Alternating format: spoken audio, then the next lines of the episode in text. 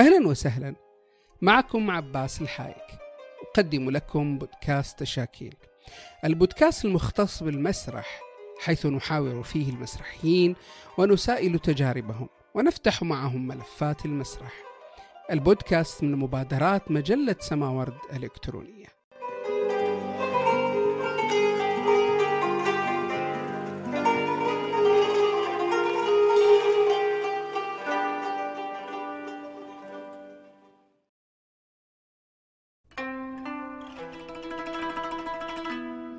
أهلا وسهلا ضيفنا في هذه الحلقة الكاتب المخرج المسرحي كريم رشيد الذي يعمل في المسرح السويدي منذ عشرين عاما شاركت مسرحياته في مهرجان في مهرجانات عربية وعالمية في ستوكهولم، غوتنبرغ، أمستردام، فالنسيا، بيروت، بغداد، عمان وغيرها من الدول العربية. عمل مدرسا في قسم المسرح في جامعة بابل وجامعة بغداد أكاديمية الفنون الجميلة في أواسط التسعينيات. حصل على جوائز في التمثيل والإخراج والكتابة المسرحية. آخرها جائزة التأليف المسرحي لعام 2011 من الهيئة العربية للمسرح. عن مسرحيته جئت لأراك. اهتم بالعلاقة ما بين المسرح والملحمة الشعرية فأعد وأخرج للمسرح. عددا من النصوص الشعرية باللغة العربية والإنجليزية والسويدية. مثل أغاني مهيار الدمشقي لأدونيس حفار القبور والممثل العمياء لبدر شاكر سياب. الأسلحة والأطفال لبدر شاكر سياب. مأساة الحر الرياحي لعبد الرزاق عبد الواحد. حفلة الماس لخزعل الماجدي آه، أيضا للمسرح السويدي قدم الملحمة السومرية القلقامش. أنا ملك مالمو ستيليت هذه العروض المسرحية التي قدمها أيضا. أعدكم أن لا أتحدث مشعلو الحرائق سبع دقائق الكل لديهم ساعات لا أحد لديه وقت وعروض أخرى باللغة السويدية والإنجليزية. له دراسات ومؤلفات أكاديمية من أهمها كتابه جماليات المكان في العرض المسرحي المعاصر. له مسرحيات وقصص الأطفال صدرت عن دار الثقافة في الشارقة. آه، عام 2008 استضافه متحف ثقافات العالم في غوتنبرغ. هو عضو هيئة تحرير مجلة نقابة المسرحيين السويديين. مسرح وفيلم حصل على عدة جوائز ومنح تقديرية من المؤسسات الثقافية السويدية لدوره في تمثيل الثقافة العربية المعاصرة في المجتمع السويدي. من بينها جوائز ومنح من مجلس الفنون السويدي ومجلس الثقافة في إقليم الجنوب. وأخيرا منحة الكتاب والمؤلفين السويديين. عضو في اللجنة الاستشارية للفنون المسرحية في مجلس الدولة للثقافة والفنون في السويد. أهلا وسهلا فنان المسرحي كريم رشيد. شكرا جزيلا على هذه المقدمة. والسياحة التي أسعدتني الحقيقة وذكرتني بكثير من الأشياء كنت أن أنساها. أشكرك. نعم. أه لنبدأ من الخطوة الأولى البدايات الأولى. كيف بدأت علاقتك بالمسرح؟ آه، هي يعني تكاد تكون قصة طريفة الحقيقة. أنا لم أتحدث بها من قبل. آه، وهي أني طبعا البدايات في الطفولة. نعم. آه، وعندما كنت طفل كنت طفل أقرب إلى الفشل. آه، وقادني المسرح إلى النجاح. لم أكن طفلا جذابا أو قويا. لم أحقق أي نجاح في المسابقات الرياضية وكان الجو الذي أعيش فيه الحقيقة هو كله ينصب على هذا الأساس إنه الصبي يجب أن يقدم آه، جهد جسدي وتميز جسدي كبير وهذا لم يعني آه، آه، لم لم لم تكن لدي مقدراته. فكنت أقرب إلى إلى الانطواء والخجل والتردد وهناك نوع من آه، الضعف النفسي. المسرح أنقذني. آه، قادني باتجاه معاكس تماما الحقيقة. وكانت البداية مع صديق آه، له فضل كبير علي شخصيا وعلى أصدقاء كثيرين.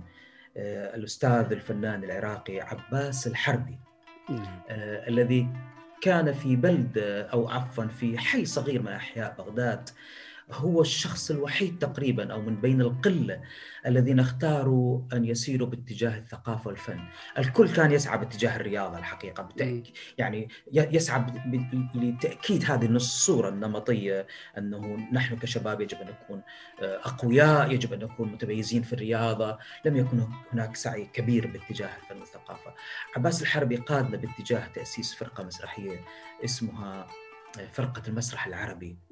وعلمنا الكثير. ونقل لنا آه، ما تعلمه هو عندما كان صبيا في فرقة أخرى عراقية اسمها فرقة مسرح اليوم على ما أظن.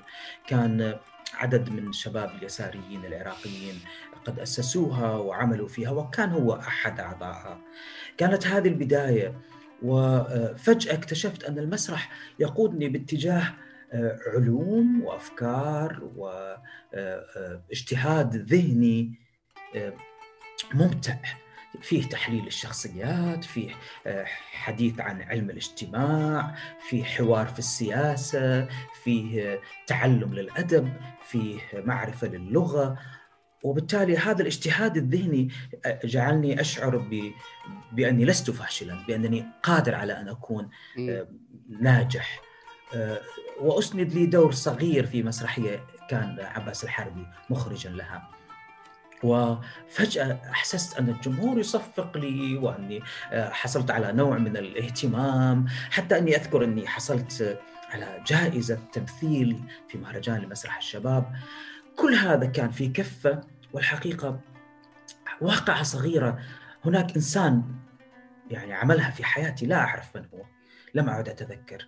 كنت طفل صغير وكنت أؤدي بحماسة على المسرح وعندما انتهى العرض المسرحي حيانا الجمهور وأتى هذا الرجل لي وقال لي ما معناه آه، أنني قد قدمت أداء مميز وأنه سعيد جدا بمشاهدتي على المسرح. ثم قال أنا لم أكن مهيأ لمشاهدة هذه الموهبة على المسرح ولم أحمل معي هدية. فأخرج من جيبه من جيبه قلم حبر آه، آه، مطلي بالذهب وقدمه لي.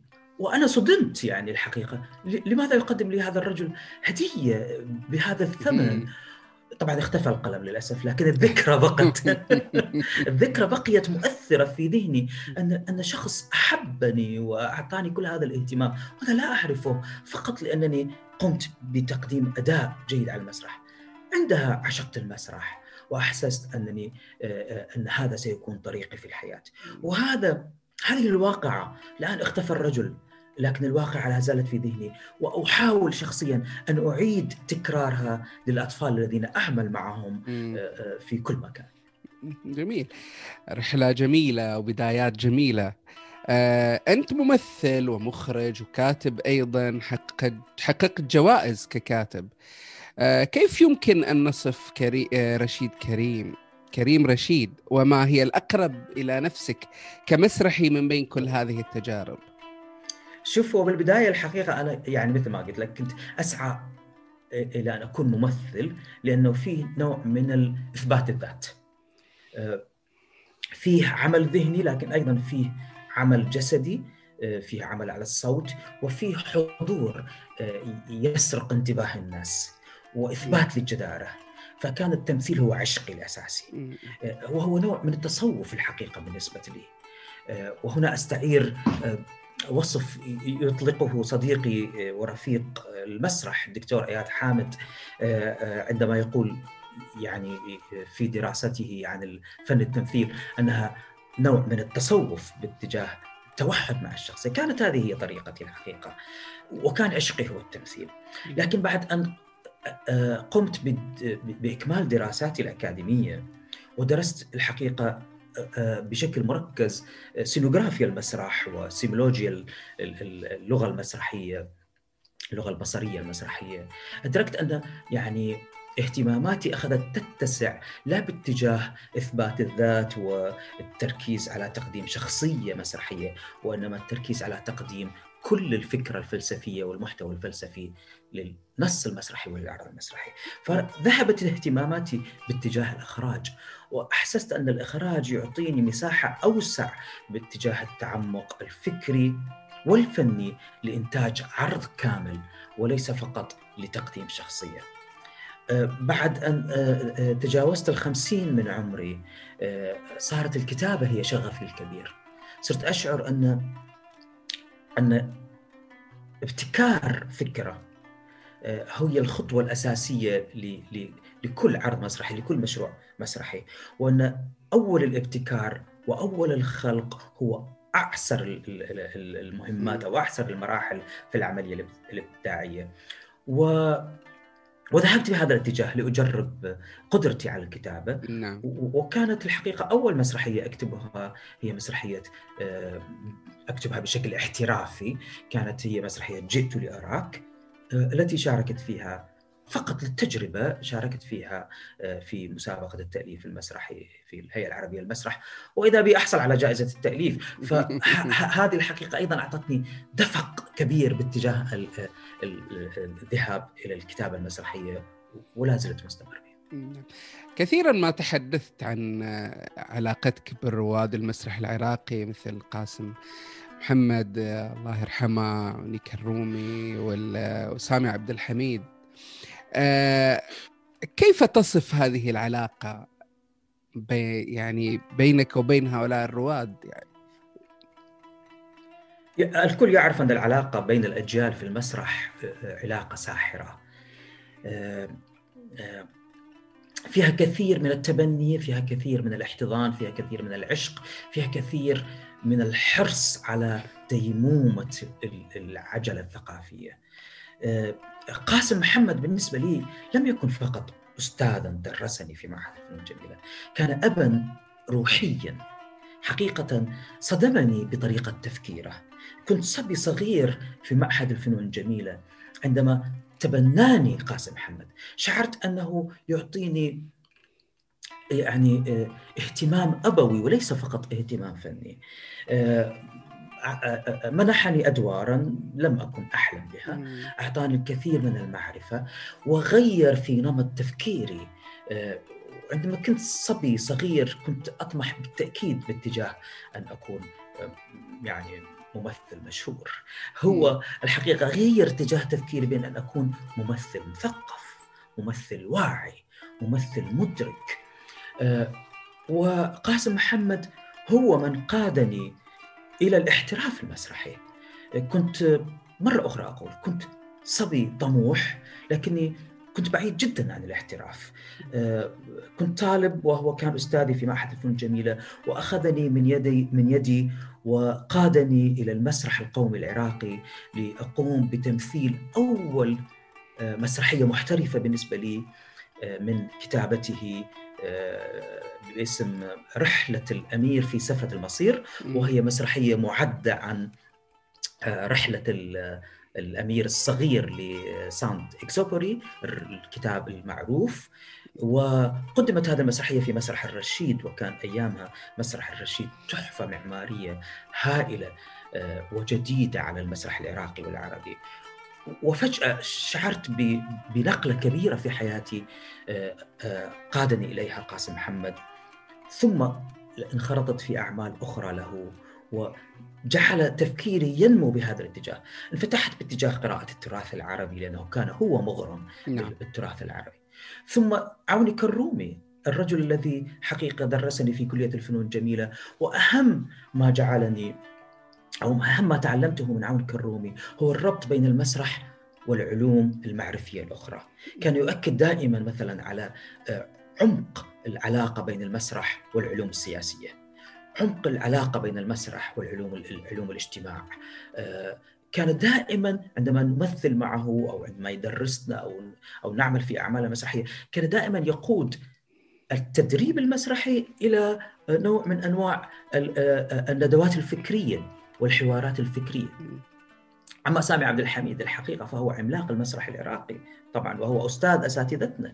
آه، وقدم لي من بين ما قدم الكثير لكني لن أنسى أبدا أبدا الدرس الأخلاقي الكبير والفن الكبير الذي قدمه لي عندما كنا نمثل معا أنا وهو دورا واحدا. هو دور الملك لير في مسرحية شكسبير التي أخرجها الدكتور صلاح القصب. وكان كانت تجربة هائلة. الحقيقة صلاح القصب أولى الدور لي أولا ثم أستاذنا الكبير سامي عبد الحميد التحق في هذه التجربة وعاملني كزميل له وكباحث مشترك. وكنا نسعى معا باكتشاف لاكتشاف هذه الشخصية.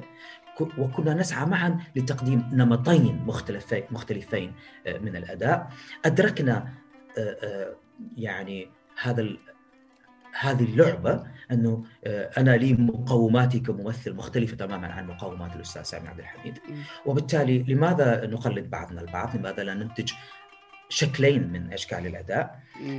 وهذا ما قمنا به. طبعا أضف إلى ذلك أستاذي وأبي الروحي الدكتور صلاح القصب نعم. الذي شكل انعطافا كبيرة في المسرح العراقي وفي المسرح العربي. صلاح القصب يعني رمز كبير بالثقافة العربية. بالنسبة لي صلاح القصب إيقونة كبيرة مثله مثل محمود درويش ومثله مثل فائق حسن الرسام التشكيلي الكبير. عصف ذهني وجمالي كبير آه، حول منطقة الأداء المسرحي من منطقة اجتهاد عادي إلى منطقة تحدي كبير و آه، آه، واكتشاف جديد. أنت من البدايات اشتغلت على مسرح الشعر. قدمت مجموعة من العروض المسرحية عن عن النصوص الشعرية مثل مسرحية الأسلحة والأطفال حفار القبور التي ذكرناها المومس والعميال السياب مهيار الدمشقي آه، سؤالي حول تجربة مسرح الشعر الشعر كيف كانت؟ لماذا لجأت لهذا الشكل من المسرح؟ وأي مساحة إبداعية يمكن أن تقدمها لك مسرحة الشعر؟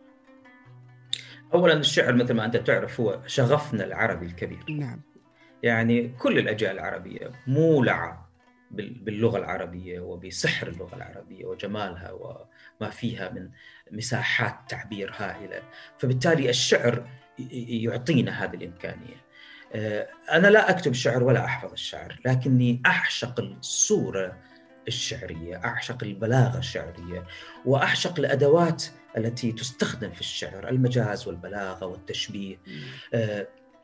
وهذا الحقيقة ينمي لي أو يعطيني فرصة لاستخدام آه، المخيلة وهذه لعبة أستمتع فيها كثيرا هذا سبب من أسباب انخراطي واتجاهي باتجاه مسرحة القصيدة أو أو العمل على المسرح الشعري.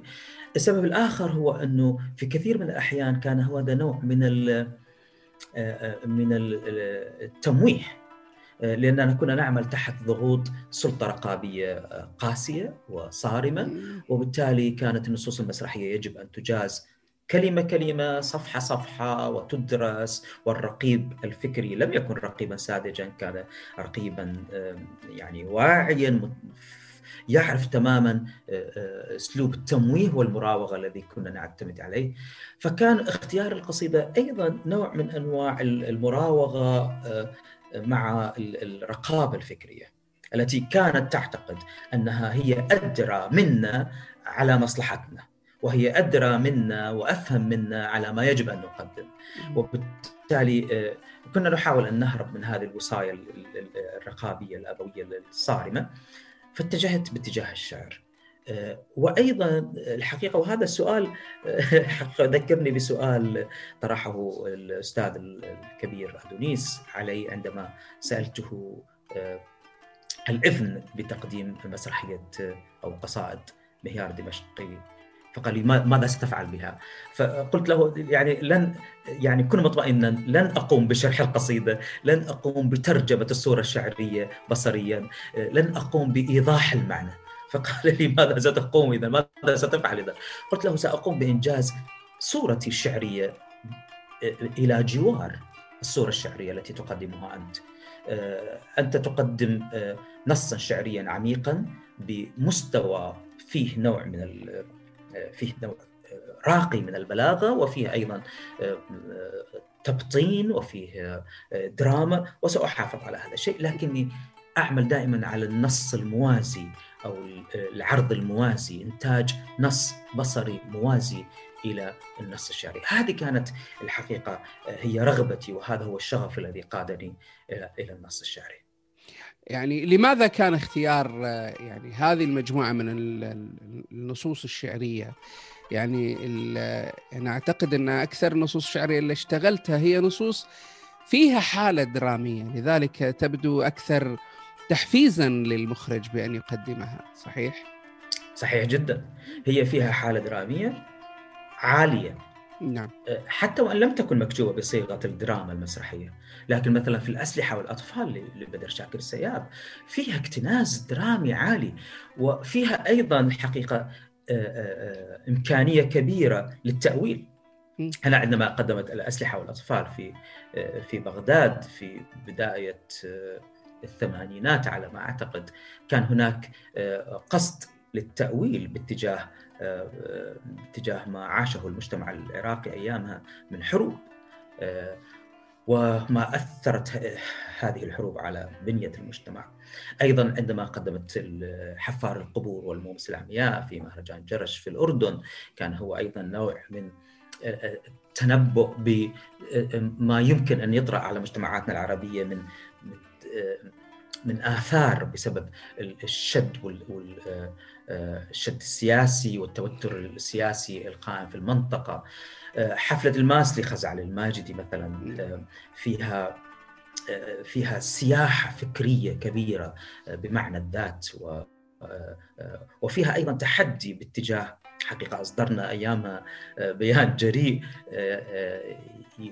يشير إلى أننا نعمل على تعليق المعنى. نريد أن نقدم مسرحيات تتحدى سلطة المعنى الأيديولوجي الذي تريد الرقابة تقديمه.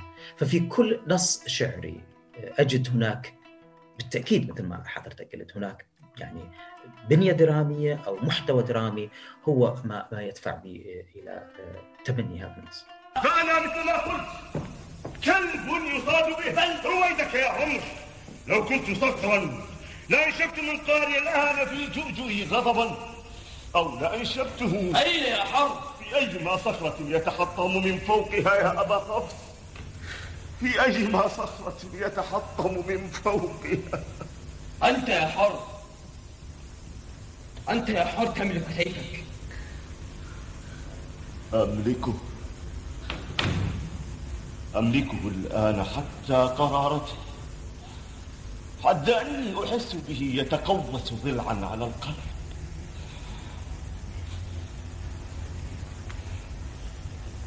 بلاتم وعائي عودوا إلى جندكم راشدين. وبيني وبينكم لحظة. أريد الماء أو أتهيبه الله عمك.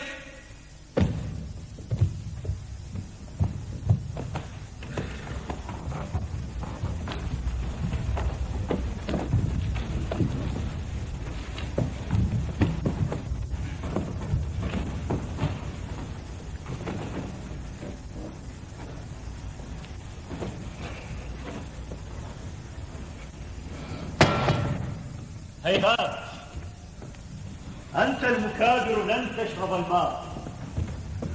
يصدقون عليك به. أنت تبحث عن ماء كلام. قدمت أيضا ملحمة الحر الرياحي لعبد الرزاق عبد الواحد مع أن يعني جبر إبراهيم جبرة في مقدمة المسرحية يقول لم يكن مقدرا لها أن تظهر على المسرح ولكنكم أظهرتموها على المسرح. كيف تجاوزتم هذه الفكرة يعني اللي أطلقها جبر إبراهيم؟ جبر. رحم الله الكاتب الكبير الأستاذ جبر إبراهيم جبرة ومن طرائف الأمور أن الأستاذ جبرة حضر هذا العرض. نعم. آه، وأذكر أن أستاذي الدكتور عبد الله كمال الدين هو من ذهب لاستقدام الأستاذ جبره من بيته. والدكتور عبد الله كمال الدين هو من كتب أيضا لاحقا من بين مجموعة من الكتاب والنقاد عن هذا العرض.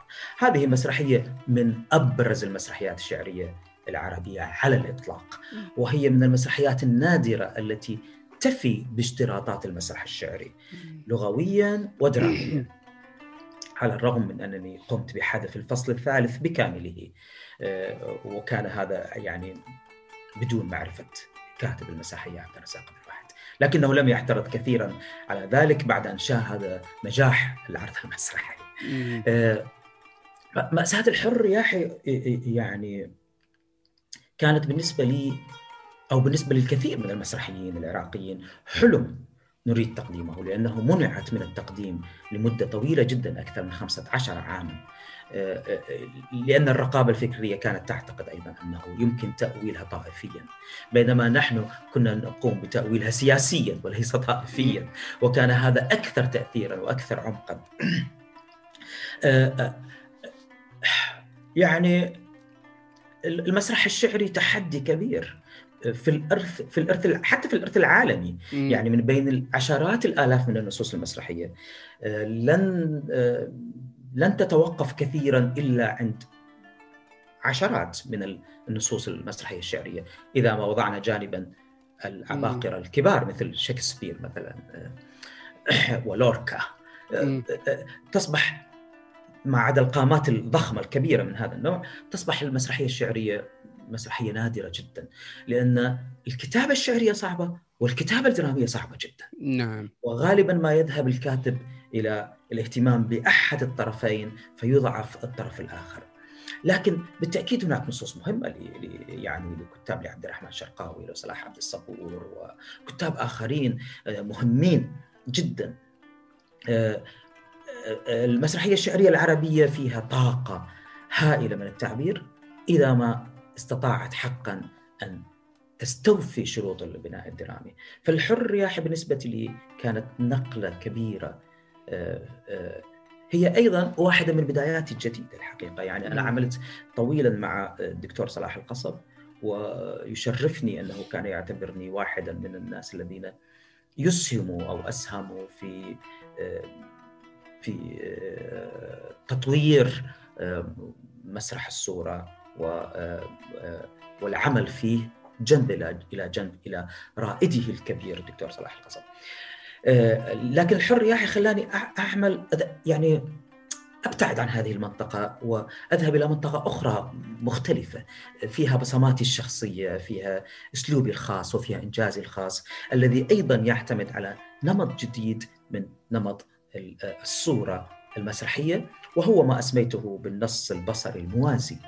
أني أنتج نصا بصريا وحركيا موازيا للنص الشعري آه، أو الادبي الذي يقدمه المقترح آه، آه، الادبي أو المقترح الذي نجده في في النص. ونلاحظ أيضا أن هناك غياب إلى المسرحية الشعرية على مستوى الوطن العربي يعني لا أدري يعني هل هل الغياب آه، بسبب أن كاتب النص المسرحي آه، يعني غالبا ما يتجه باتجاه المسرح أكثر من اتجاهه إلى الشعر أو أن الشعراء قد لا يمارسون الكتابة المسرحية. آه، يعني يعني قد يتنازل هذا عن عن الدراما أو قد يتنازل هذا عن الشعر. هناك غياب واضح للمسرح الشعري على المستوى الوطني العربي. يعني تحدثت عن يعني عدد معين من ال من ال النصوص المسرحية الشعرية. يعني عبد الرحمن شرقاوي يعني هي نصوص قديمة تعتبر.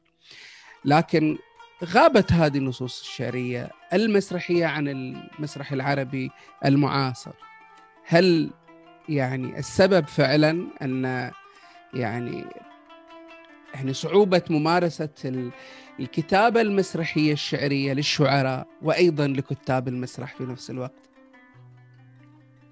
هو طبعا هذا من بين الأسباب لكن هناك أسباب أخرى كثيرة. يعني فضلا عن صعوبة الكتابة الشعرية وصعوبة الكتابة المسرحية. فإن الكتابة الدرامية هي كتابة أقرب إلى التداول آه، اليومي التداول اللغوي اليومي الحياتي. لأن المتفرج بحاجة إلى أن يشعر أن هذه اللغة التي يسمعها هي لغته. آه، المتفرج بحاجة أن يشعر أن الشخصيات الذين يراهم على المسرح يشبهونه. وأن طريقة التفكير والأحداث التي يراها في النص هي أحداث يمكن أن تكون مشابهة للأحداث التي يعيشها في حياته. المسرحية الشعرية تنقلنا إلى جانب آخر فيه قوة في التعبير وفيه نوع من التسامي أو الابتعاد عن النمط الواقعي فأعتقد أن طبيعة الثقافة المعاصرة قادت باتجاه أن يكون النص المسرحي أقرب إلى اللغة المتداولة منه إلى اللغة الشعرية، حتى الشعراء الكبار مثلا في العراق يوسف الصائغ من أهم الشعراء العراقيين، لكنه عندما كتب المسرحية كتب نصا نثريا لم يكتبه شعريا. الذكاء في الأمر أنه يوسف الصائغ وغيره استخدموا ميزات النص الشعري في الكتابة النثرية.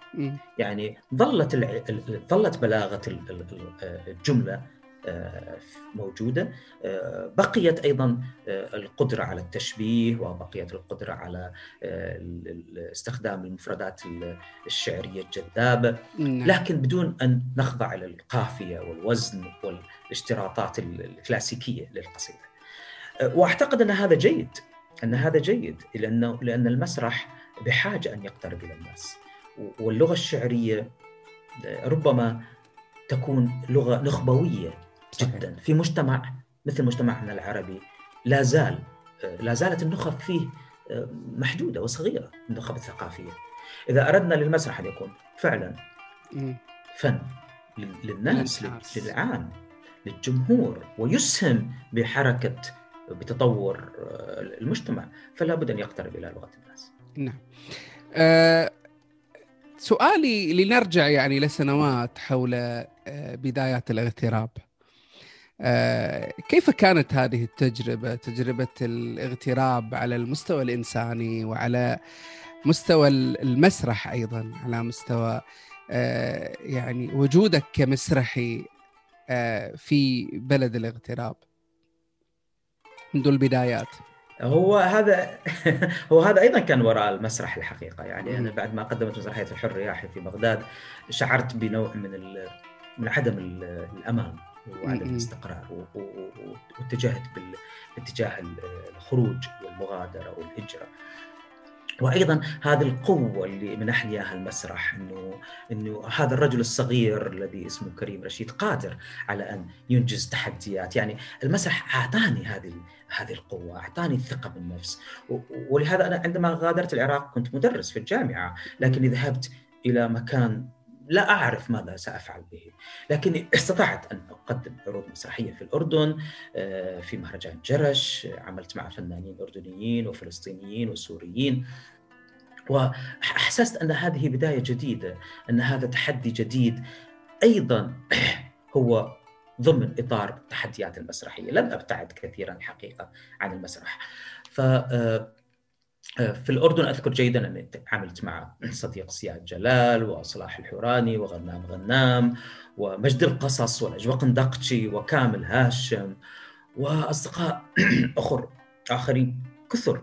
وقدمنا تجارب مسرحية في المركز الثقافي الملكي في عمان وفي مهرجان جر. حتى أن زواجي الحقيقة كان في المسرح الدائري في المركز الثقافي الملكي في عمان. كل حياتي كانت الحقيقة داخل التجربة المسرحية. وفيما بعد في الهجرة الأخرى باتجاه السويد أدركت أيضا أني قادم على لا أريد أن أقول تأسيس لكني على الأقل أقول محاولة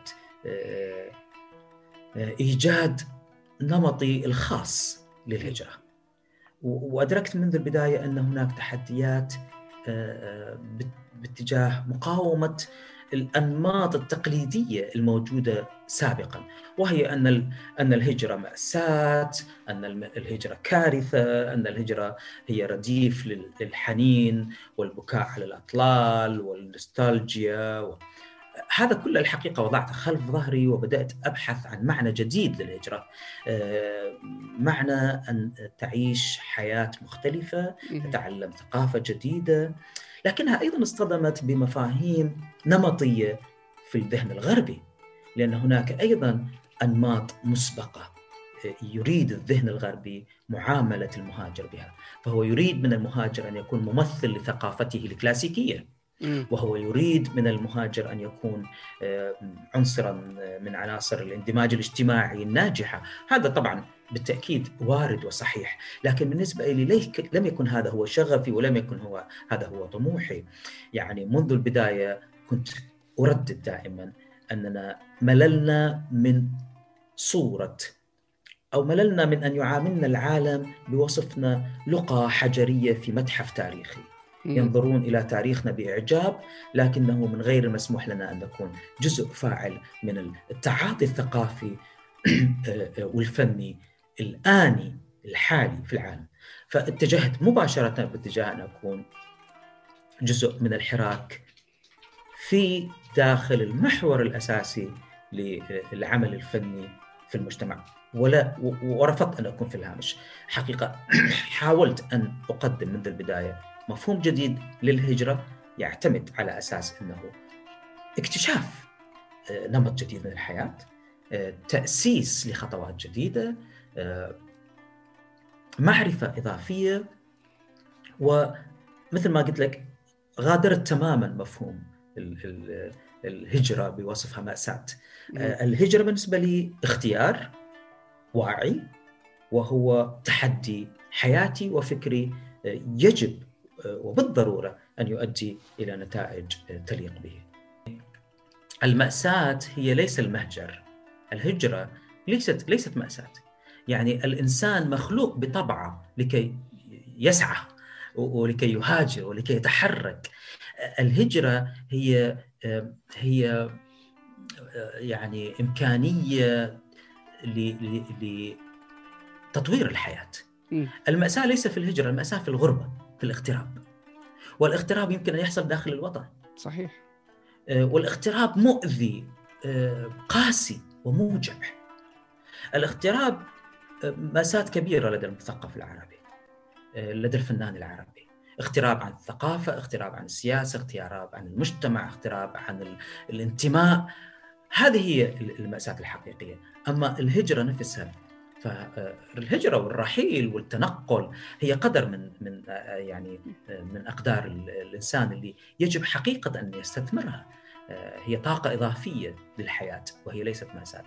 الاغتراب هو المأساة وخصوصا ما يكون داخل الوطن. كثيرا أيضا ما يدور الجدل حول يعني مفهوم الهوية خاصة عند المغتربين. يعني آه، هل هل يندمج المغترب بشكل كامل مع المجتمع الجديد أو أنه يحافظ على هويته؟ كيف يمكن أن يوازن المسرحي ما بين المسألتين؟ مسألة الاندماج وأنا أعتقد أنه جزء منه ضرورة للمغترب خاصة أنه يحصل على جنسية مثلا من البلد ويكون ضمن نسيج هذا المجتمع أو أنه يحافظ على هويته كيف يمكن أن يوازن المسرحي ما بين آه، هذين المسألتين آه، طبعا الاندماج الاجتماعي أمر مفروغ منه اشتراط أساسي للتعايش مع المجتمعات الجديدة. آه، لا يرفض هذا الاشتراط إلا من هو عاجز على مواجهة الحقيقة ومن هو عاجز على الإيفاء بواجباته آه، ك كفرد من أفراد المجتمع. حقيقة أننا نعيش في عالم واحد أصبحت حقيقة أكيدة وثابتة لكنها لا تعني على الإطلاق أننا نعيش تحت إرادة سياسية واحدة ولا تحت آه، آه، إطار نمط ثقافي واحد. عالم واحد يتضمن ثقافات مختلفة أمر مفروغ منه. ولكي نكون جزء فاعل من الحياة الثقافية والتعاطي الثقافي والفني والإعلامي. يجب أن يكون لدينا ما نقدمه ما نساهم به وهنا هي المشكلة الأساسية. إذا لم نستطع أن نحقق آه، ثقافة رصينة وقادرة على أن تمثلنا ليست بالضرورة أن تكون هذه ثقافة يعني كلاسيكية أو تقليدية آه، لكنها بالضرورة يجب أن تكون مؤثرة وقادرة على أن تعطي للآخر شيء مميز. فبالتالي الهوية لا تتعارض بالحقيقة مع الإندماج على الإطلاق.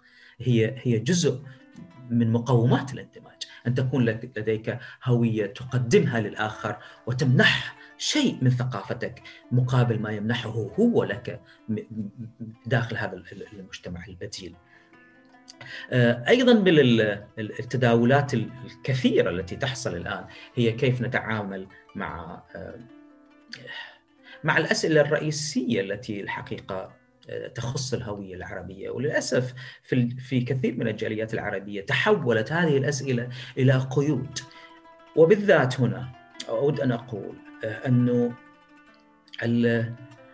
التطرف الديني شكل عائقا كبيرا جدا باتجاه أن ينفتح الذهن العربي ويقبل التعاطي مع الآخر ويقبل أن يكون جزء من الحراك المستقبلي. آه، لا زال آه، لا زال كثير جدا من أبناء الجالية العربية أسرى وهم أننا آه، أبناء أمة عظيمة لا تشبه بقية الأمم. لا زال كثير من أبناء الجالية العربية يتعكزون على وهم آه، ان أننا ننتمي آه، إلى دين هو هو الدين أو الأسلم أو الأقرب إلى الرب. لا زال كثير من أبناء الجالية العربية يتعكزون أيضا على فكرة أن العودة إلى الأوطان الأم هي حلمهم الأساسي وليس الاندماج في المجتمعات الذين التي يعيشون فيها. معوقات كثيرة تجعلهم الحقيقة بعيدين جدا عن عن حركة المجتمع. بعيدين جدا عن أن أن يلحقوا ب ب بالركب السائر إلى المستقبل. آه، يعني مأساة كبيرة أن نرى أن أن القسم الأعظم من جاليتنا العربية غير مشغولة أصلا بما يشغل المجتمع الذي آه، الذي تعيش آه، يعيشون فيه. وهذا نوع من التشظي ولهذا هم يؤسسون تجمعات خاصة بهم في داخل المجتمعات الكبيرة التي نعيش فيها. آه، هذه هي الصورة الحقيقية. أنا مرة أخرى أنا لا أتغزل بالمهجر لكني لا أريد أن أسميه مأساة أنا أرى فيه كثير من الإمكانيات المتاحة لكي نحقق نوع من الاندماج مع مع العالم مع المستقبل الاقتراب إلى المستقبل. آه، لكن للأسف هذا الشيء يصطدم غالبا بتطرف فكري سياسي وديني. آه، أنت رئيس رابطة المسرحيين العرب في المهجر. آه، يعني هناك تجارب كثيرة مسرحية عربية يعني في أكثر من بلد أوروبي أو يعني حتى في الولايات المتحدة. لأعمال مسرحية عربية كيف تقرأ تجربة المسرح العربي في المهجر بعمومها؟ نعم يعني مع طبعا التحفظ على اصطلاح أو مفهوم المسرح العربي في المهجر نحن لازلنا كلنا في في في الشتات وفي المهجر نحاول تأسيس حركة مسرحية أو منجز مسرحي أو نسميه يعني مشهد مسرحي. آه، لا زالت ملامح هذا الحراك آه، في طور النشوء إذا ما تحدثنا عن الأجيال المهاجرة لأن هنا لا أتحدث عن الأجيال الثانية والثالثة التي ولدت أو نشأت داخل المهجر وبالتالي أصبحت جزء من مؤسسات المجتمعات التي هي فيها. وإنما اتحدث عن الأجيال التي آه، جاءت من أوطانها واستقرت في المهجر وحاولت أن تتواصل بالعطاء المسرحي. طبعا هناك فرق مسرحية مهمة في كندا وفي استراليا في بلجيكا في ألمانيا في فرنسا في مكانات أخرى مختلفه من العالم.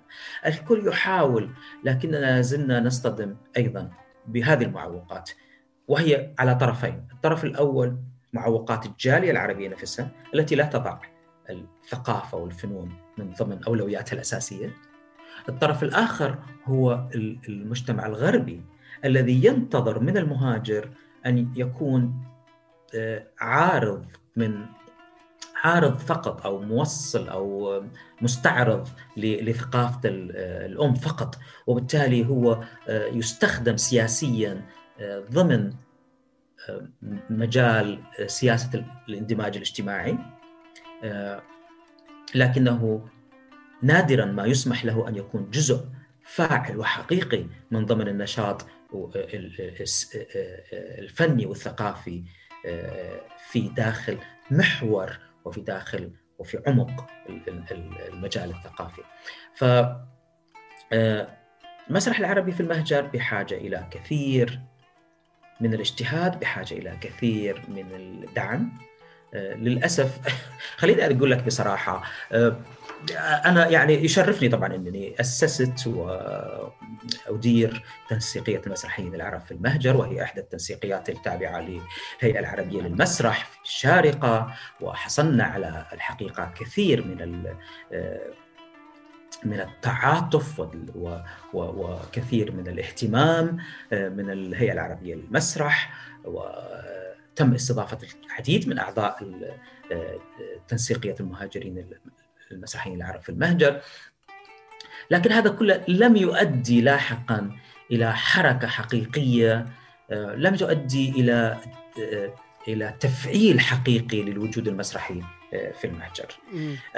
وبصراحة ليس هناك اهتمام حقيقي. يعني أنا شخصيا التقيت مثلا في مع أكثر من مسؤول عربي من بلدان عرفت بأن لديها نسبة كبيرة جدا من المهاجرين في أوروبا وطرحت عليهم فكرة دعم مشروع لمهرجان مسرحي عربي في المهجر يكونون هم طرف فيه وتكون المؤسسات الأوروبية طرف في دعمه.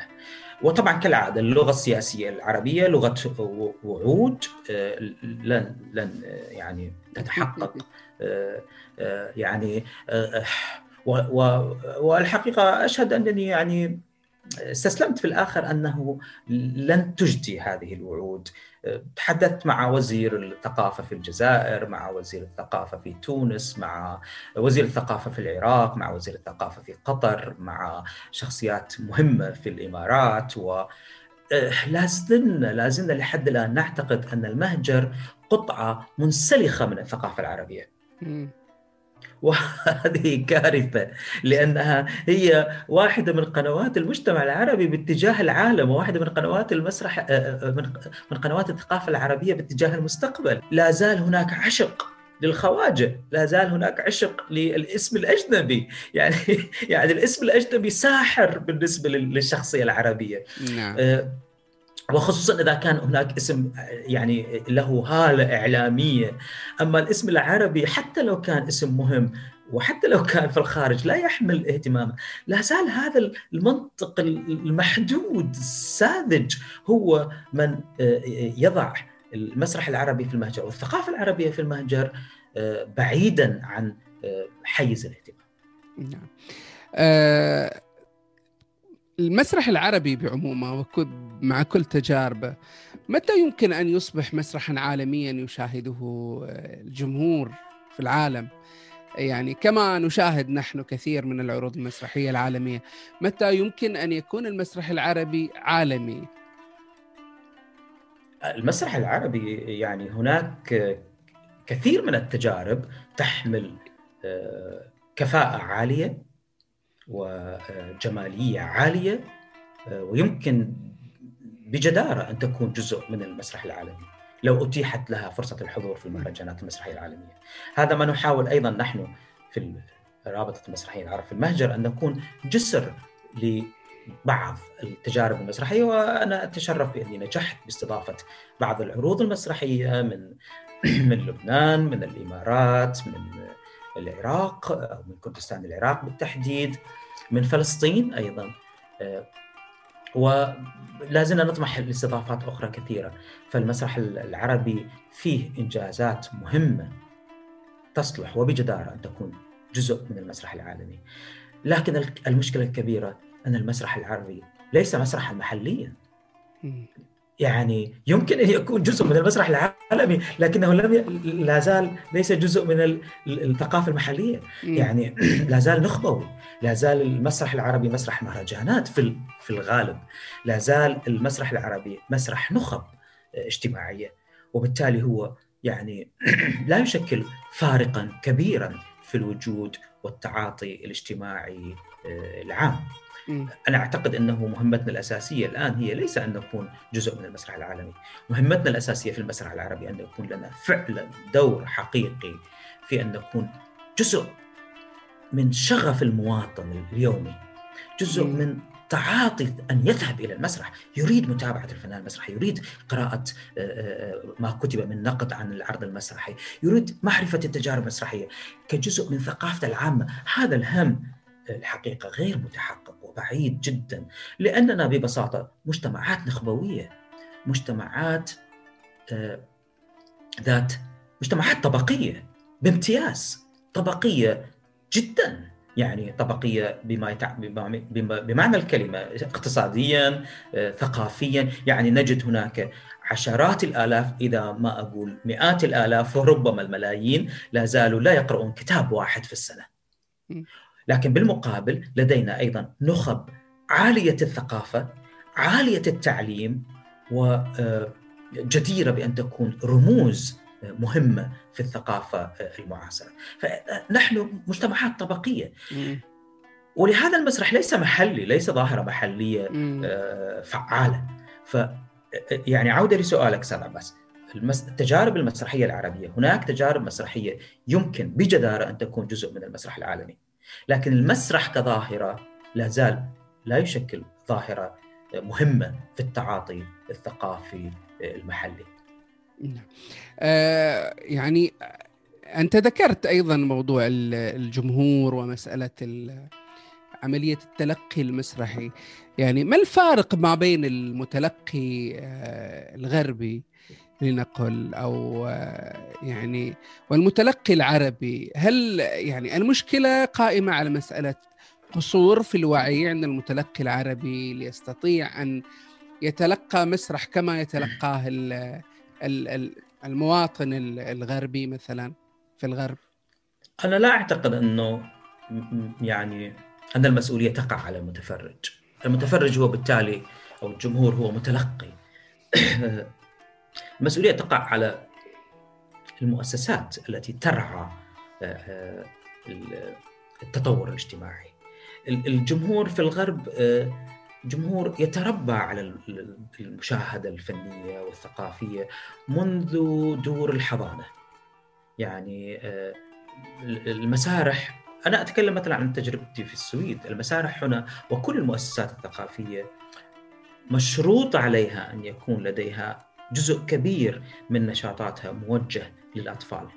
وعندما أقول للأطفال فأقصد الأطفال من عمر آه، صفر إلى عمر 20 سنة وربما أكثر قليلا.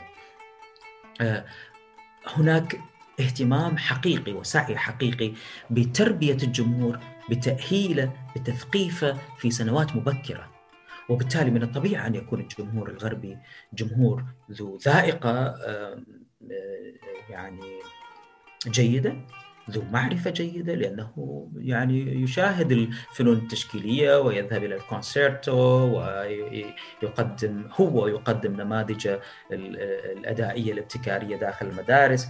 وهذه لا زالت الحقيقة بعيدة نسبيا في كثير من مناطقنا العربية ما عدا استثناءات قليلة ربما التجربة الرائدة التي آه، تقودها آه، الشارقة شارقة الثقافة وشارقة الحضارة وشارقة الفكر الحقيقة برعاية ال- الشيخ الدكتور سلطان القاسمي. وواحدة من هذه الملامح مثلا أنه أن يجعل آه، الفنون المسرحية كمادة مدرسية نعم. مادة للدراسة المدرسية. هذه التفاتة حضارية مهمة آه، أن نرعى فكر الطفل وتنميته حتى لاحقا يكون لدينا جمهور. الجمهور المسرحي لا يخلق بين ليلة وضحاها ولا يخلق لأن هناك عرض مسرحي مهم ولا يخلق لأن هناك اهتمام من الدولة لبناية مسرحية أو لفرقة مسرحية. الجمهور المسرحي يخلق منذ السنوات الأولى آه، آه، عندما نرعى الأطفال في دور الح- الح- الحضانة ونربيهم على أن الثقافة والفن جزء أساسي من آه، من حياتنا. نعم.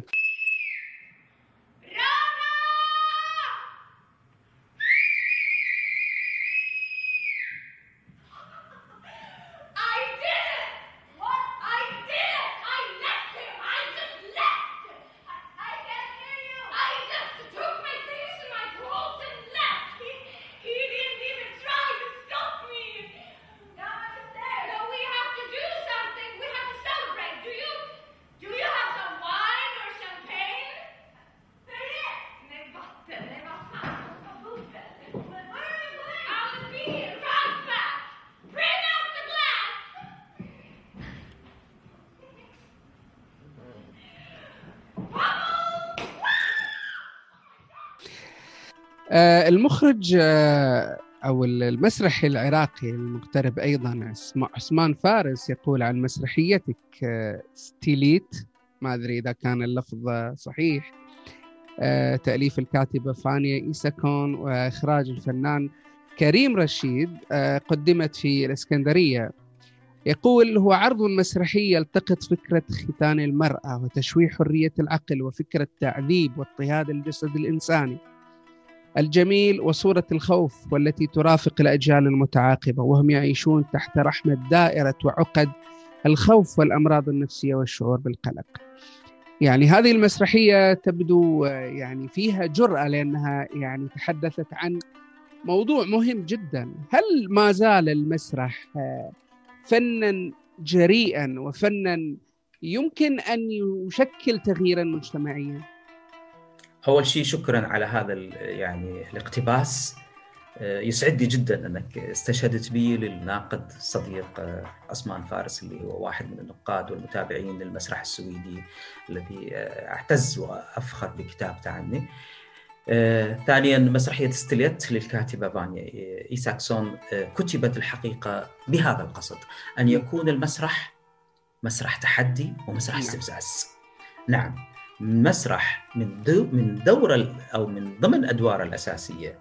هو استفزاز المتفرج. وضع أسئلة آه، كبيرة وإيقاظ أسئلة أخرى داخل ذهنه.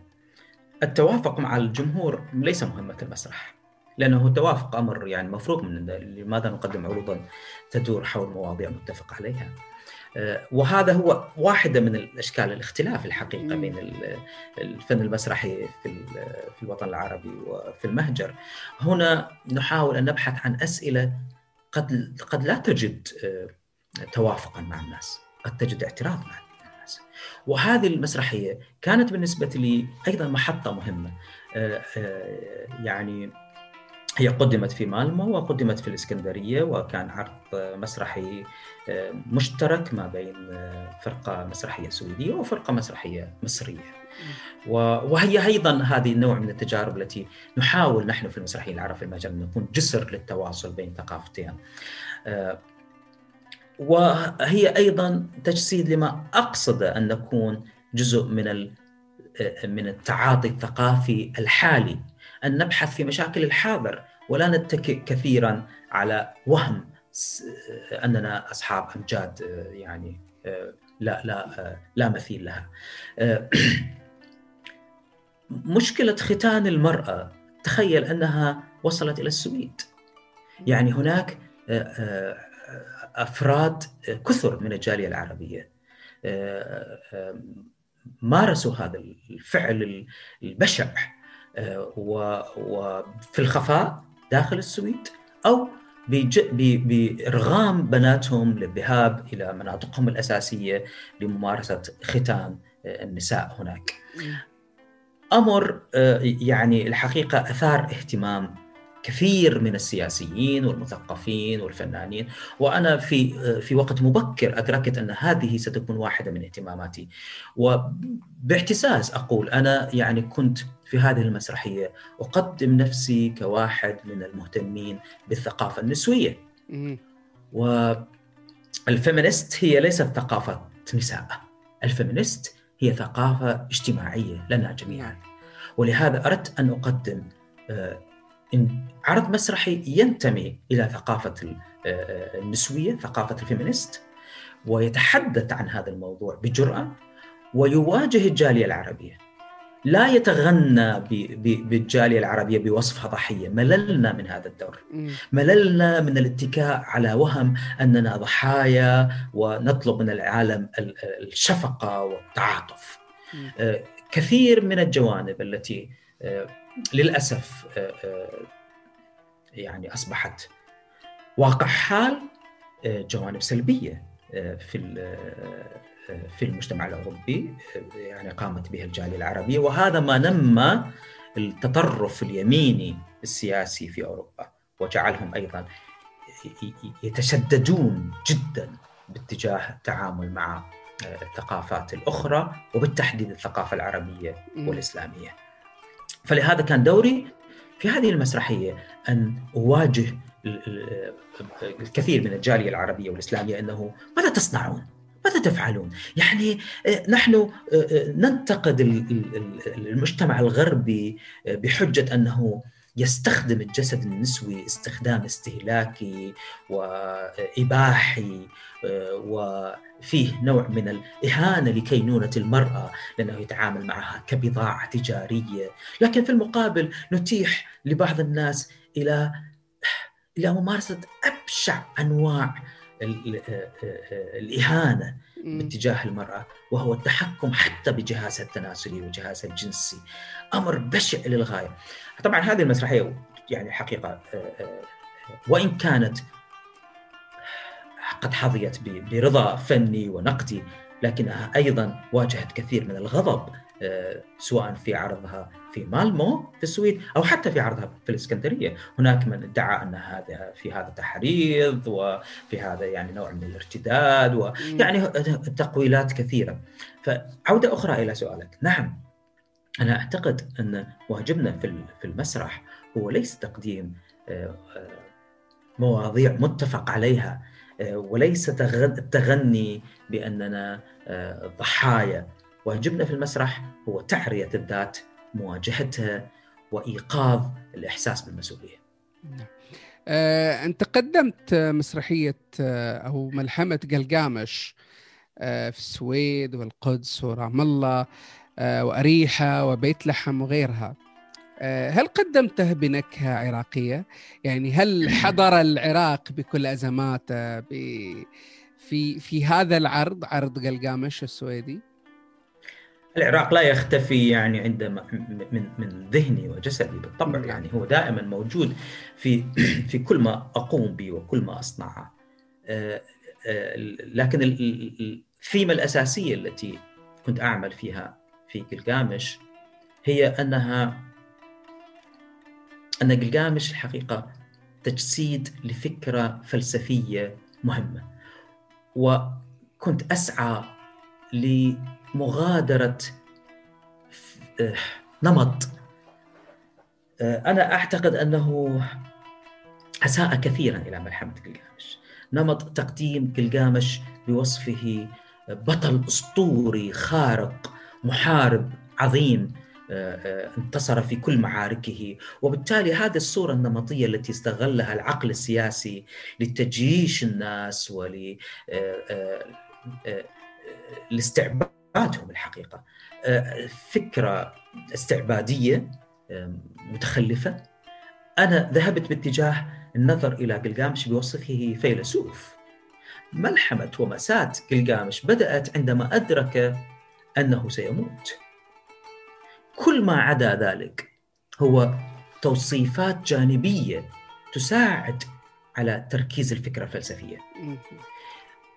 وهذه هي الحقيقة كانت المادة الرئيسية التي قدمتها أنها كفوا عن النظر إلى قلقامش بوصفه بطل أسطوري ومحارب عظيم. قلقامش هو فيلسوف أيقظ لدينا السؤال الأول عن معنى الحياة ومعنى الوجود ومعنى العمل.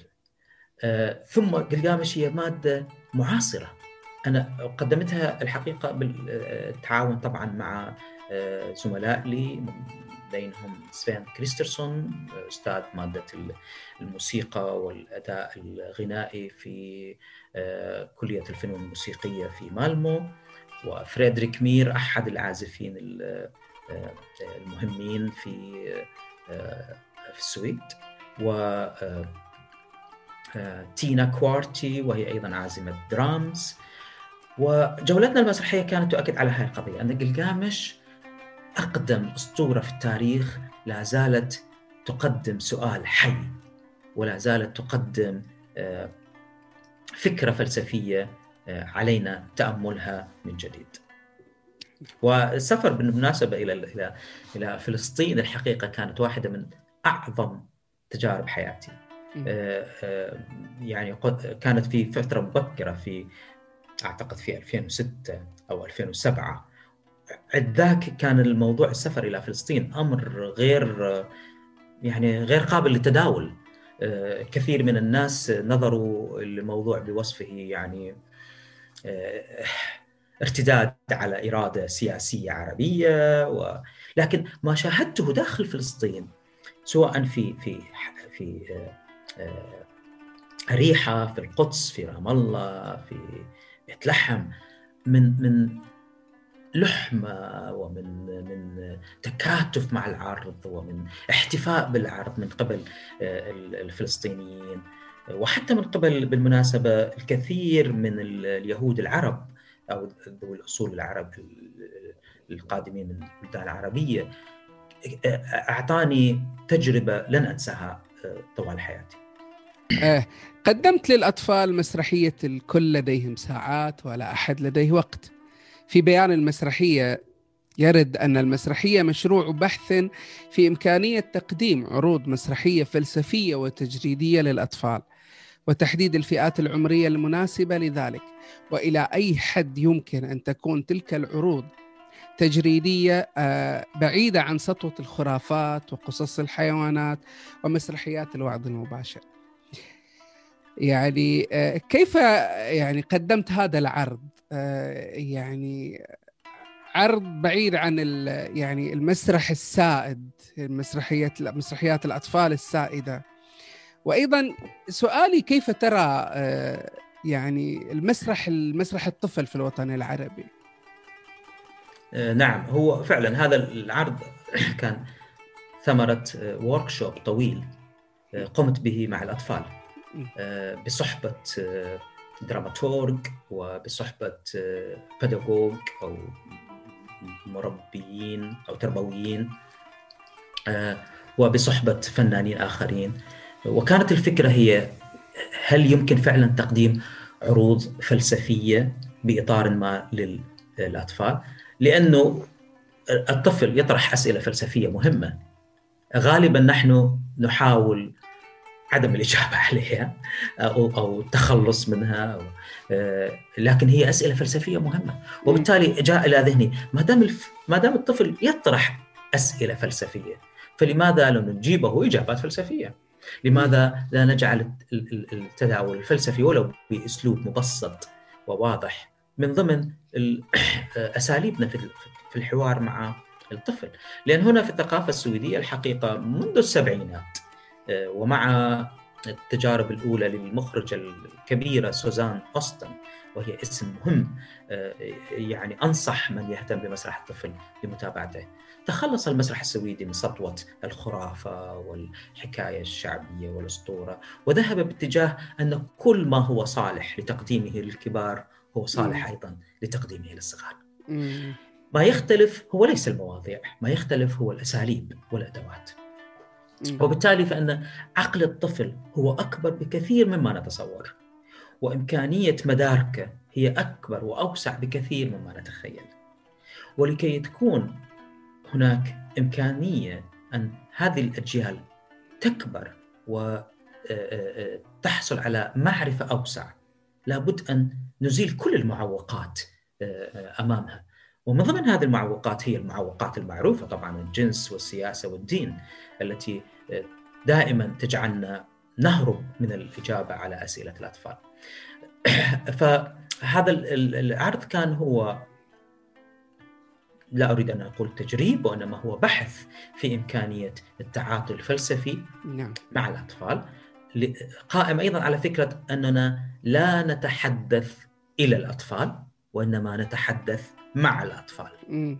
نحن لا نفكر بدلا عنهم وإنما نحرضهم على التفكير ونفكر معهم نفكر معا نحن والأطفال. ف آه، هل هذا يمكن الإجابة؟ بالطبع هذا ليس فقط يمكن وإنما يجب أن يكون آه، لأنه أجيال المستقبل أجيال تخطت بمستوى ذكائها ومستوى معرفتها تخطت كثيرا آه، آه، الصورة النمطية التي إحنا نعرفها عن الطفل نعم. بدليل أننا كلنا الآن الكبار عندما عندما نعجز عن بعض التقنيات التي يوفرها جهاز الموبايل نذهب نعم. نذهب إلى ابنائنا نعم. يساعدونا على على يعني حل بعض التعقيدات اذا المساحة المعرفية والعلمية المتاحة أمام الأجيال الجديدة مساحة هائلة وكبيرة وقدرتهم على آه، تنمية وعيهم آه، آه، قدرة أكبر بكثير مما إحنا حصلنا عليه. وبالتالي يجب أن نغادر تماما ونلقي خلف ظهرنا كل الوسائل القديمة بالتعامل مع ذهن الطفل. باعتبار أنه ذهن بسيط ويعني محدود. في الثقافة السويدية ليس هناك أسرار أمام الطفل. ليس هناك أسرار على الإطلاق. وعندما أقول ذلك أقصد تماما ما تعنيه الكلمة. مم. حتى في الأشياء التي قد تكون حساسة جدا في العلاقة الحميمة ما بين الزوجين، في العلاقة ما بين الإنسان والرب، في العلاقة ما بين الإنسان وجسده، كل هذه الأمور التي قد تبدو فلسفية عميقة هي أيضا مادة صالحة للتقديم للأطفال، لكن بأسلوب وبأدوات يجب أن تكون قابلة للإدراك. وفي ثقافتنا العربية طبعا هناك ملامح مهمة في ادب الأطفال. لكن المشكلة أن العقل ال- المؤسساتي الذي يدير ثقافة الطفل لا زال متمسكا بالفكرة التربوية التقليدية، فكرة الوعظ والإرشاد والنصح والتحذير وفكرة الوضوح المطلق. يعني إحنا لحد الآن نريد مثلا عندما نقدم أنا شخصيا يعني يعني عشت هذه التجربة في أحد الكتابات التي قدمتها ل في أدب الأطفال. ك- كان الناشر يريد مني بوضوح أن أن تكون هناك جملة واضحة تختصر الفكرة الفلسفية والتربوية بحيث يقرأها الطفل ويفهم يعني ماذا تقدم هذه القصة. هذا الأمر يعني أصبح من مخلفات الماضي. الطفل حر في أن تماما مثله مثل الكبير حر في إعادة إنتاج النص الذي يقرأه. حر في إيجاد المشتركات الخاصة ما بينه وبين النص أو العمل ال- ال- الذي يراه. يجب أن نرتقي باحترامنا لذهن الطفل لكي أيضا نسهم بأن نجعل يرتقي بوعيه ومعرفته. هل هذا يمكن في المسرح العربي؟ طبعا يمكن. من المؤكد إنه يمكن. لكن علينا اولا قبول الفكرة ثم تبنيها ثم تجربتها وهكذا يفكر العقل العلمي. نعم يعني ليس هناك غير شيء غير قابل للتحقيق لكن اولا عليك أن تدرس الفكرة تجربها داخل ورك شوب داخل داخل الفئة المستهدفة آه، وتفحص نتائجها ثم تؤمن بها ثم توفر لها شروط ال- ال- النجاح ثم آه، تشرع بأدائها. يعني نعم. كل شيء ممكن إذا أردنا. يعني هل يمكن أن يعني تقدم مثل هذه التجربة في المسرح العربي؟ نعم تماما مثل ما قلت لك يعني. كل شيء ممكن لكنه يجب اولا تحقيق هذه الاشتراطات. آه، كل ما حقق العقل الغربي سواء في الثقافة أو في الفنون أو العلوم ممكن. دليل على ذلك إنه يعني لم يكن آه، يعني امرا مستحيلا آه، مثلا أن يطلق صاروخ إلى المريخ من بالامارات. يعني القضية يعني قضية إرادة مم. وإيمان أنه نحن كعقل قادرين على الإنتاج، قادرين على أن نكون جزء من ال- الإنتاج الحضاري آه، وأيضا يجب أن نتعلم التفكير العلمي. التفكير العلمي له قواعد. كل شيء قابل للتحقيق، لكن عليك اولا أن تجربه آه، تدرس نتائج تجربتك آه، تحللها تؤمن بها ثم توفر لها شروط النجاح. ثم تتحقق. صحيح. آه، إحنا إحنا نختار دائما أو كثير منا يختار دائما الطريق السهل اللي هو نذهب باتجاه يعني بات- باتجاه ما هو متعارف عليه باتجاه ما هو متوارث. آه، أدب الطفل بالنسبة لنا لا زال إلى حد بعيد هو أدب وعظي تربوي آه، إرشادي. ولهذا هو أدب ممل بالمناسبة. يعني لا أعرف إذا كانوا الأطفال يحبونه. لكن في غالبا غالبا أعتقد أن الأطفال الآن يتجهون خصوصا في هذه المرحلة يتجهون باتجاه الإنترنت وما توفره وسائل التواصل صحيح. التواصل الاجتماعي والكتاب الورقي بدأ يفقد قيمته، الحكاية الشعبية بدأت تبتعد، الفن المسرحي بدأ يفقد جمهوره لأنه أدواتنا لا تتغير، أدواتنا لا زالت قديمة ومستهلكة. نعم آه، أنت قدمت عدة ورش تدريبية في أكثر من بلد عربي أوروبي أيضا آه، هل يمكن لهذه الورش أن تخلق أجيال مسرحية أن تغير. يعني النمطي والسائد على مستوى المسرح العربي على مستوى الورش القصيرة هذه والله أول شيء أشكرك على هذا السؤال الحقيقة لأنه هذا كان واحد من ال- الأصوات التي يعني في رأسي وأحب أن أتكلم عنها لكن لم تأتي الفرصة للكلام عنها. آه، الورش المسرحية كانت واحدة من أدواتنا لتطوير مسرحنا. مم. لكن المشكلة أن الورش المسرحية نفسها لم تتطور. أصبحت مملة، أصبحت متكررة، يعني يأتي هناك من يدير ورش مسرحية ويستخدم أدوات مستهلكة متهرئة غير قابلة لل... لتحقيق أي أثر إبداعي. يتكئ فقط يعني على الوهم يتكئ على ترويج لثقافته الترويج لاسمه الترويج لاسم غربي يتكئ عليه هو. يعني مثلا يروج إنه سيقوم بورشة تدريبية على طريقة المخرج الأوروبي الفلاني. لكن الورش نفسها أصبحت تقليدية أصبحت غير معطاءة غير جداء فقدت جاذبيتها.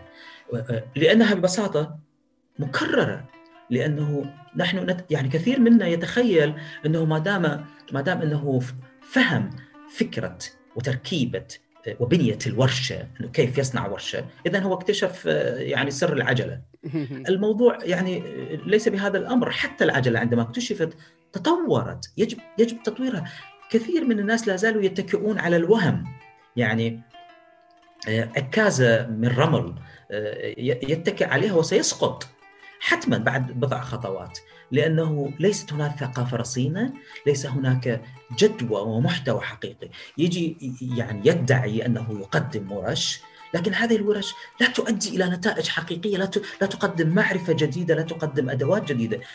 لأنه يظن أن الورش بذاتها لا تحتاج إلى التطوير، بينما الورش أيضا بحاجة إلى التطوير. نعم يعني ليس هناك شيء يظل على حالة فلهذا لا أدري إذا كانت يعني الورش المسرحية تؤدي غرضها ما دامت هي نفس الأسماء ونفس الأشكال ونفس المحتوى يتكرر مرة بعد مرة. ونفس المنهج يعني كثير من ال...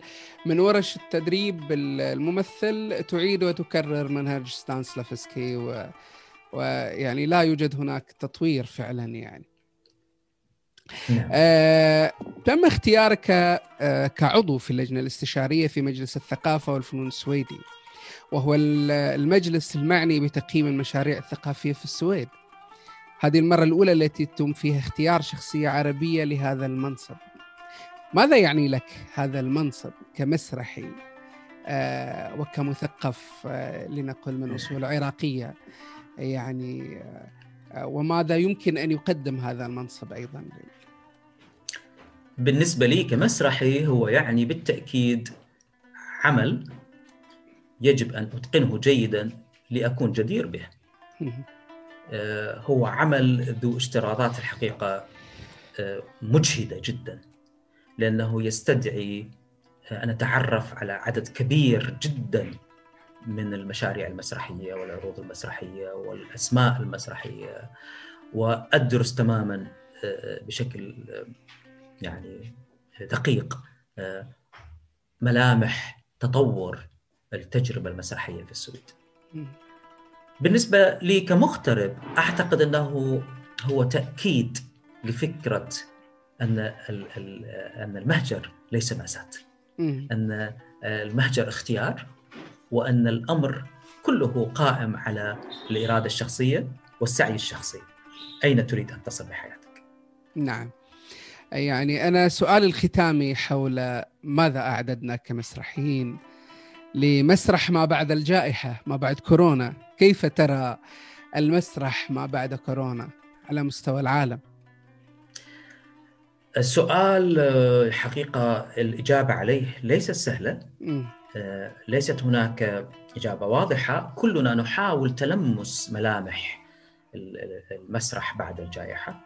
آه، أنا أدرك أن كثير من الجهود العربية انصبت باتجاه إقامة ال- الندوات الفكرية عبر منصات الزوم ومنصات أخرى واللقاءات والحوارات. العروض المسرحية إلى حد كبير توقفت. هنا في السويد وفي أماكن أخرى من العالم صار يمكن إنتاج أو يعني ذهبنا باتجاه تقديم عروض مسرحية مسجلة فيلميا للجمهور. وذهبنا باتجاه أيضا أن نبتكر أو نحتضن وسائل تقنية جديدة داخل العروض المسرحية لأن هذه الجائحة أيضا أعادت تشكيل آلية التعاطي الثقافي. أصبح الناس مهتمين بأن يكونوا جزء من التجربة. لم يعد يكفيهم أن يك... ان ان يستقبلوا التجربة سواء كانت تجربة فنية أو شيء. يعني خليني أذهب معك مرة أخرى إلى قضية العلاقة ما بين الفن والمتلقي.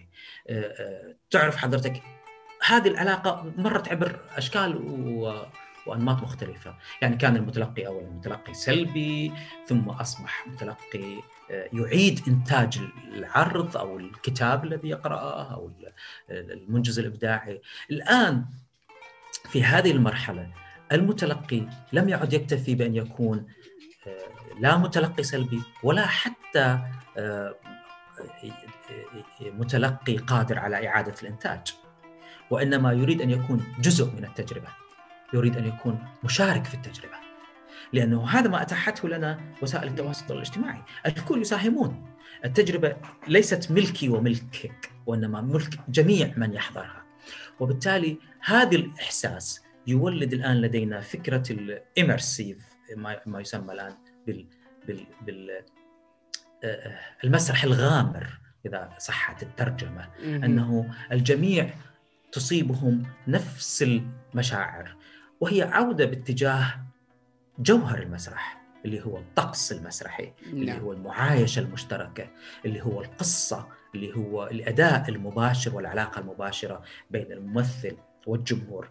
هذا لا يعني أن التقنيات الحديثة ستختفي لأنه ليست هناك أنماط تختفي. يعني كل الأنماط ستستمر. نعم. قد يكون النمط القادم بعد الجائحة هو نمط ذو اهتمام كثير كبير بالتقنيات الرقمية. هذا ممكن. لكن أيضا ممكن جدا أن يكون النمط القادم هو نمط العودة إلى جوهر المسرح إلى العلاقة المباشرة التي افتقدناها عبر هذه الفترة. أهم ما يمكن التفكير به حاليا هو أننا لا نعود إلى المسرح بوسائط ووسائل متهرئة قديمة لأنها لم تعد تصلح. الأجيال الجديدة اعتادت الآن على أن تكون فاعلة وأنا هنا لا أتحدث عن أجيال الموبايل فقط وإنما عن أجيال بدأت تتعاطى مع مع فكرة الثورة الصناعية الرابعة مع م. مع قضية الذكاء الاصطناعي نعم. أصبحوا الآن متقدمين بخطوات واسعة باتجاه أن يتعامل مع الذكاء الاصطناعي يعني لا يمكن أن لا يمكن بعد الجائحة أن تجبر الجمهور على إغلاق أجهزة الموبايل داخل الصالة المسرحية. إن لم يكن العرض المسرحي نفسه قادر على إرغامهم على ذلك. صحيح. نعم. آه يعني ختاما أشكرك آه أستاذ كريم على يعني هذه الفسحة الرائعة جدا الذي التي منحتنا إياها في بودكاست تشاكيل. شكرا لك لأنك أعدت لنا يعني الكثير من الأسئلة التي تدور في في أذهاننا كمسرحيين. يعني هناك أسئلة وهناك إجابات وهناك أيضا إعادة يعني أسئلة كثيرة يعني من خلال هذا اللقاء. شكرا لك.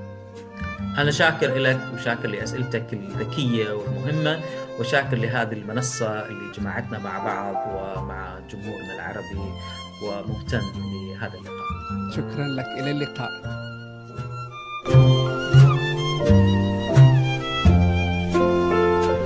بيت صغير بكندا ما بيعرف طريق وحدا أرميد مغطى بالثلج وكل المال شجر وعصافير كتير بتغط ارتاح وبتطير. عأرميد بيتي الصغير بكندا. كل ما وقت تلج بينطر يدوب التلج كل ما تغيم بينطر يرجع ربيع بيت صغير بكندا من حوله كل المدى. بابه ما إله مفتاح بالي مرتاح. ودوداره علي بقعد وحدي من سي عشبابيك بيتي الصغير بكندا.